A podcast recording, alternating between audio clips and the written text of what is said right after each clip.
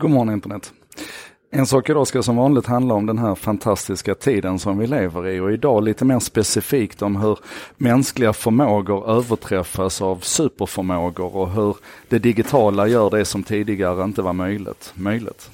Och mer specifikt så ska det handla om att om du som har en sån här Pixel, eh, en av Googles telefoner från första generationens Pixel till Pixel 3 som släpptes för bara ett par veckor sedan. Om du har en sån telefon så har den i natt fått en helt ny magisk egenskap. Google kallar det för Night Vision. Nej, de kallar det för Night Sight. Och vad den gör det är helt enkelt att den, den låter dig ta bilder i situationer där det egentligen inte skulle kunna vara möjligt att ta bilder för att det är för mörkt helt enkelt. Och traditionellt sett med kameror så har man ju löst det här med stora bländaröppningar och långa slutartider. Men med vårt sätt att fotografera idag med de här små telefonerna med, med små optiker och, och, och ofta handhållet och sådär, så är det ju lätt att konstatera att den modellen den håller inte längre. Samtidigt från andra hållet så kommer ju då en möjliggörare i form av det man kallar för computational photography. Alltså att, att det är mycket mer datorer och beräkningar och algoritmer inblandat i ditt, ditt bildskapande. Och ett av de första tidiga exempel vi fick se av det här, det var ju egentligen när Apple eh, släppte sin Portrait Mode, där kameran har i uppgift egentligen att fånga det som, det som hjärnan ser och inte det som ögat ser. Alltså när vi tittar på någonting så är, har vi ju potentiellt ett oändligt skärpedjup, men ändå så väljer hjärnan att låta vissa saker stå fram som skarpa. Och det har man ju använt traditionellt sett i fotografering med med långa optiker med stora bländaröppningar så man får den här fina bokehen i bakgrunden, ni vet när, när bakgrunden blir så snyggt suddig. Men det har varit jättesvårt att göra med, med de brännvidder och så som man har i en mobilkamera. Så då fick man lösa det med dator istället. Alltså när optiken och mekaniken inte räckte till längre så fick datorn ta över. Och det Google gör här nu med, med sin, sin Night Sight det är att, att man tar det här ytterligare ett par steg längre.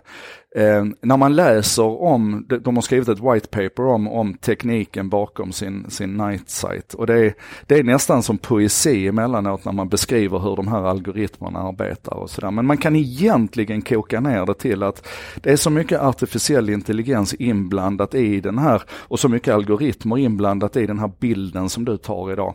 Att det handlar inte längre om att, att bara så här ganska banalt titta på liksom den logaritmiska skalan över över bildens fördelning och så justerar du, eh, justerar du liksom eh, eh, tonskalan och, och plockar bort färgstick och sånt utifrån det. Utan den förstår idag vad det är för någonting du försöker fotografera.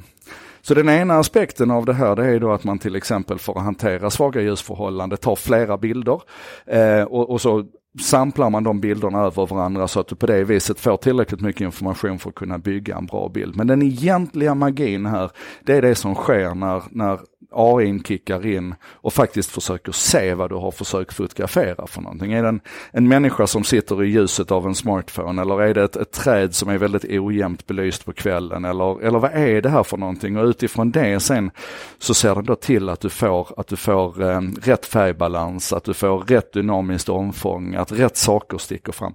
Och det är faktiskt lite magiskt. Jag, jag testade det här, jag har ju har jag haft tillgång till, man kan ju hacka sin pixel så man fick tillgång till det här tidigare och jag har, jag har blivit helt, helt fascinerad, nästan besatt faktiskt av vad den här möjligheten med Nightsight nu, vad den visar på att vi kommer att kunna göra framöver när kamerorna förstår ännu mer av det, av det vi försöker åstadkomma.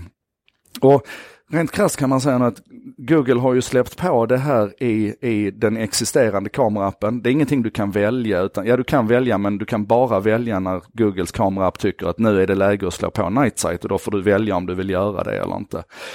Men det här är ju bara första steget. Man har ju gjort det här här och nu för att den här sortens bilder hade du överhuvudtaget inte kunnat ta innan, så det är inte så mycket att förlora.